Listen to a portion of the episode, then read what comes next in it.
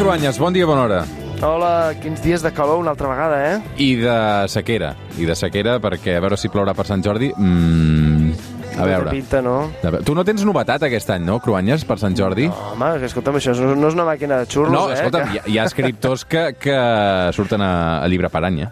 No, home, deuen fer-ho molt bé i dedicar-s'hi molt. Jo em va costar molt el de l'any passat, així que si, si n'hi ha un altre trigarem una mica encara. Avui amb el Toni Cruanyes parlarem d'una peça de roba eh, molt pròpia de l'estiu. A veure, una peça de roba molt lligada a la dissenyadora britànica Mary Quant. Oh, well, the fabrics are made flat, and women are round, and there's this terrible problem of putting the two together, you know.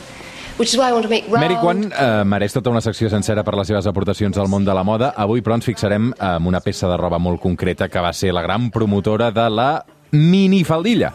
Sí, Mary Quant ha mort aquesta setmana i podríem dir que era la mare de la minifaldilla, però no la inventora, ara ho explicarem, perquè mm, vull parlar de la minifaldilla no només com un disseny, eh? no parlarem només d'una peça de roba, sinó com un símbol d'una època, de l'alliberament sexual i de la lluita feminista.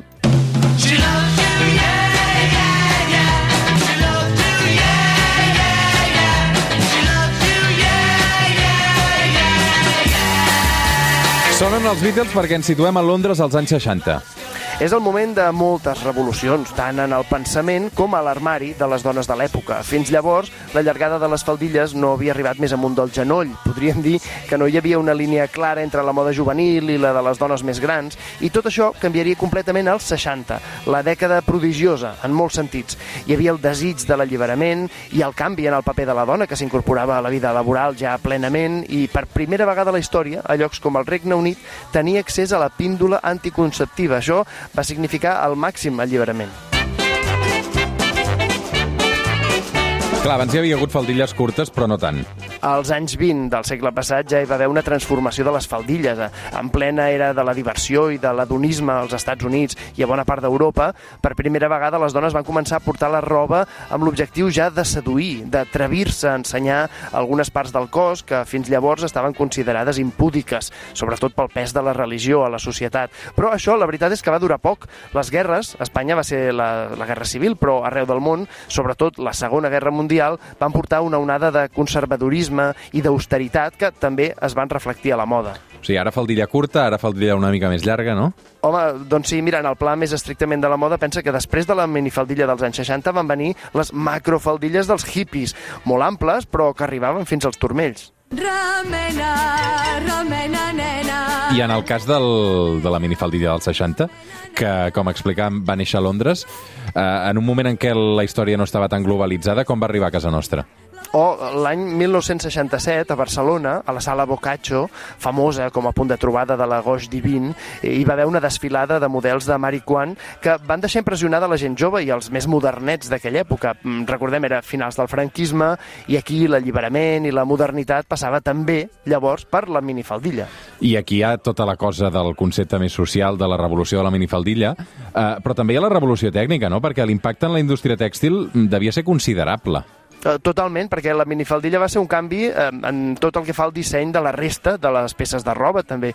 Hi ha moltes persones que van col·laborar a aquesta revolució de la minifaldilla. O sigui, a veure, sí, la dissenyadora Mary Quant va obrir una botiga al barri de Chelsea de Londres, on venien els seus dissenys de minifaldilla l'any 1964. És veritat, també, tindrem potser la gent més gran al cap la model Twiggy, que era molt coneguda, que va causar un gran escàndol a l'inici, però l'èxit també va ser perquè era una peça de roba còmoda i versàtil, que podia quedar bé amb molts tipus de cos. Per això, clar, primer algú es va inventar els pantis, perquè amb les mitges tradicionals, les que no arribaven fins a dalt, amb els lligacames, clar, no hauria sigut possible portar minifaldilles amb normalitat en el dia a dia de la immensa majoria de les dones. Així que part del mèrit també l'hem de reconèixer a Ethel Bone, la nord-americana que el 1954, 10 anys abans, va inventar-se els pantis. Després, amb nous materials com el nylon, van fer que les mitges, mica en mica, cedissin llocs als pantis i així les faldilles van poder-se anar escurçant mica en mica.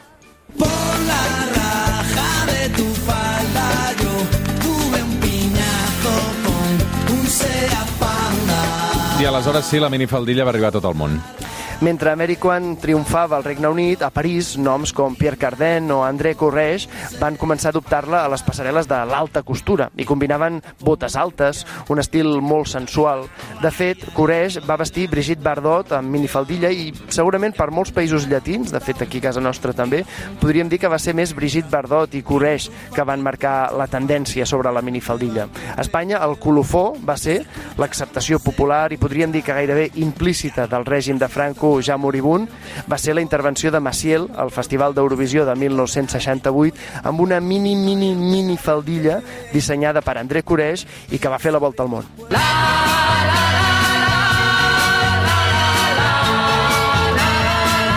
Avui arribem a les 9 amb nostàlgia amb aquesta cançó de Maciel que va representar Espanya al Festival Eurovisió el 1968, l'època de la minifaldilla també a casa nostra. Sí, el règim franquista no li va deixar cantar a Joan Manuel Serrat en català. També et diré que no crec que Serrat hagués anat a Eurovisió amb minifaldilla. No ho crec, no ho crec. uh, bon diumenge, Toni. Bon diumenge.